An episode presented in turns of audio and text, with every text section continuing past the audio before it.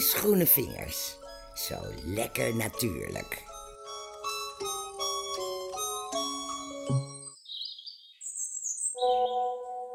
Dag Annie. Waar ik nou graag meer over zou willen weten, is de moerbij. Hé, hey, dat vind ik nou leuk. Er zijn steeds meer mensen die uh, reageren. En dit is volgens mij uh, Esther. Esther Veldhuis. Tuurlijk, de moerbij. Het klinkt zo oud, moerbij. Je oude moer, komt dat bijvoorbeeld van de moerbij? Nou, dat moet ik even opzoeken hoor, of je oude moer van de moerbij komt.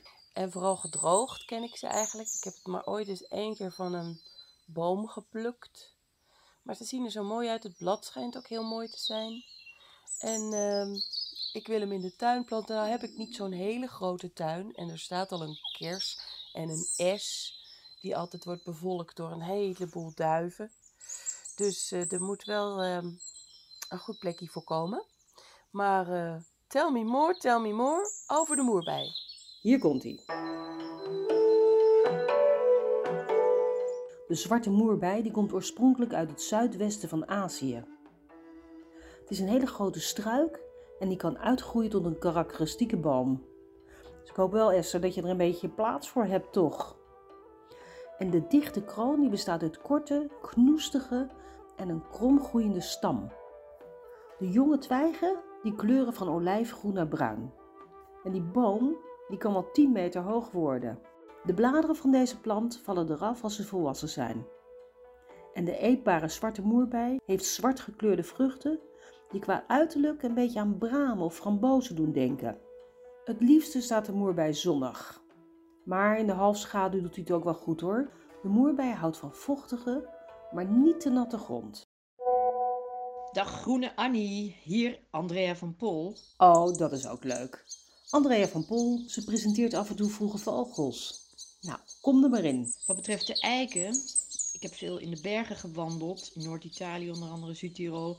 En daar was de wijsheid, als het onweerde, Eichen zal man weichen en boegen zal man zoeken. Dus al heel jong leerde ik, al een beuk moet je opzoeken. En als je een eik ziet, wegwezen.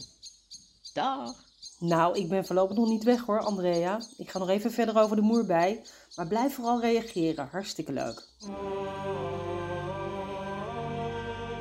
De kleur van de moerbij, in het Engels heet hij mulberry, wordt verklaard door de Griekse mythe van Pyramus en Tisbe. De bloedmooie jonge Pyramus en de schone Tisbe mochten niet met elkaar omgaan van hun ouders. Ze woonden naast elkaar en spraken met elkaar door een spleet in de muur. Op een gegeven moment spraken ze in het geheim af bij een moerbijboom. Maar Pyramus, die kwam te laat, hij kwam niet opdagen. En terwijl Tisbe zat te wachten, verscheen er een leeuw. Met zijn bek vol bloed. Tisbe vluchtte, maar verloor haar sluier. De leeuw pakte de sluier en die kwam vol met bloed te zitten. En op dat moment verscheen Pyramus. Die werd helemaal gek van verdriet en dacht dat zijn geliefde was opgegeten. Hij slaat de hand aan zichzelf. Als Tisbe Pyramus ziet, is hij helemaal wanhopig. En ook zij berooft zichzelf van het leven. Het bloed vermengt zich en dat bloed wordt opgezogen door de moerbij, die tot dan toe altijd witte vruchten had, maar sinds die tijd kleuren de bessen diep rood. Here we go round the mulberry bush, the mulberry bush, the mulberry bush. Here we go round the mulberry bush, early in the morning. Hoi, dit is Christa. Lieve Annie, dankjewel. Het was weer een heerlijk luistermoment. Uh, ik hoorde trouwens dat de eikenprocessierups tegenwoordig zoveel kans krijgt... omdat hun natuurlijke vijand, de vleermuis, bijna is uitgestorven. Ja, Christa, je hebt helemaal gelijk. Want vleermuizen die kunnen helpen om die rups te bestrijden. Ze eten dan de eikenprocessievlinders, waardoor die niet de kans krijgen om eitjes te leggen. En dat heeft hier als resultaat minder rupsen. Want normaal gesproken legt een vlinder maar liefst 250 tot 300 eitjes. Dus uh, een vleermuizenkastje.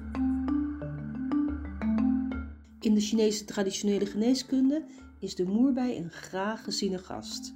De witte moerbij en de zwarte moerbij hebben dezelfde medicinale kwaliteiten. Een thee van verse of gedroogde bladeren wordt als medicijn gebruikt tegen elephantiasis. Dat is een olifantenziekte en die wordt veroorzaakt door parasitaire wormen. In veel gevallen krijg je helemaal geen symptomen, maar sommige patiënten ontwikkelen overmatige zwellingen in de armen, benen of geslachtsdelen. Je zal het maar hebben. Moerbei bladthee wordt gedronken bij verkoudheid, griep, oogontsteking en neusbloedingen. De stengels zijn een natuurmedicijn tegen reuma en ze werken vochtafdrijvend en bloeddrukverlagend. Ik kwam nog iets belangrijks tegen over de moerbijvruchten, want ze hebben een positief effect op de nieren en ze worden gebruikt bij incontinentie en oorsuizen. Oorsuizen. Tinnitus. Daar heb ik dus al sinds een jaar of zeven last van. Een hele hoge irritante piep in mijn linkeroor. Gaat 24-7 door. Dus het sinds die tijd nooit meer stil. Ik denk dat ik toch maar eens een keer aan de moerbij moet gaan beginnen. Oh, en het helpt ook tegen vervroegd grijs worden. Nou, dat had ik moeten weten 20 jaar geleden. Had ik daar ook mee kunnen beginnen.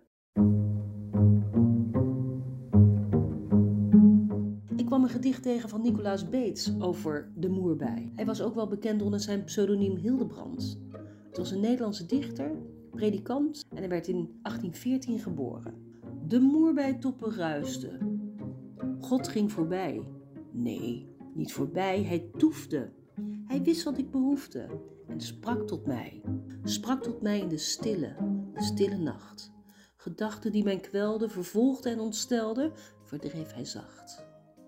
Hij liet zijn vrede dalen op ziel en zin. Ik voelde in mijn vaderarmen me koesteren en beschermen en sluimerde in. De morgen die mij wekte, begroette ik blij.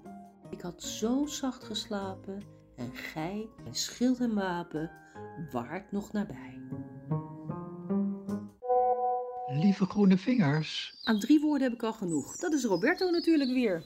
wat een immense treurigheid zo dichtbij. Maar je hebt helemaal gelijk, gewoon doorgaan met de groene vingers. Want uiteindelijk zullen de zachte krachten overwinnen, zoals schrijfster en feministe avant la lettre Henriette Roland Holst in het begin van de vorige eeuw zei. Wat ben je toch lekker belezen, heerlijk. Maar ik vermoed dat je ook nog wel iets over de eikel te zeggen hebt. Bij je aflevering over de eik en de eikel zat ik te wachten op de eikeltjes koffie. En ja hoor, daar kwam het. Prima. Het is voor zo'n programma misschien wel wat onwelvoeglijk, maar het enige dat ik mis, misschien omdat ik tegen wil en dank toch een mannelijke man ben, is een verwijzing naar het mannelijk geslachtsorgaan dat, zoals wellicht ook jou bekend, bekroond wordt door iets dat de glans wordt genoemd, maar veel bekender onder de aanduiding eikel. Eikel, vandaar dus al die eikels, lieve eikelientje. En nu stop ik nog maar eens een flink stuk eikenhout in de kachel, hoewel de vogels buiten net doen of het lente is. Veel liefs van Roberto. De bladeren van de witte moerbij zijn van economisch belang, omdat ze het enige voedsel zijn van de zijderups. En die wordt weer gekweekt vanwege de zijdeproductie.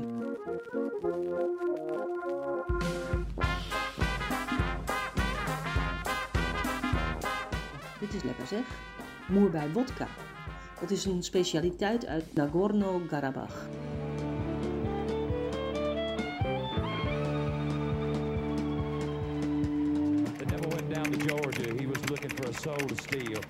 Oh ja, Esther, ik zou nog even wat voor je uitzoeken. Mallemoer. Nou, dat betekent geen fluit, geen snars, geen sikkepit, geen bal, geen donder, geen biet, geen loor, geen zier, geen mallemoer. Allemaal woorden die gebruikt worden om aan te geven dat je helemaal niks aangaat. Die woorden die komen vooral uit de taboesfeer. Metaforen voor schaamdelen, uitwerpselen. Vermoedelijk komt moer van de duivel en zijn oude moer vandaan. Oftewel, de duivel en zijn oude moeder. En die uitdrukking die wordt al sinds de Gouden Eeuw gebruikt om te zeggen: iedereen, het maakt niet uit wie, het gaat je geen moer aan.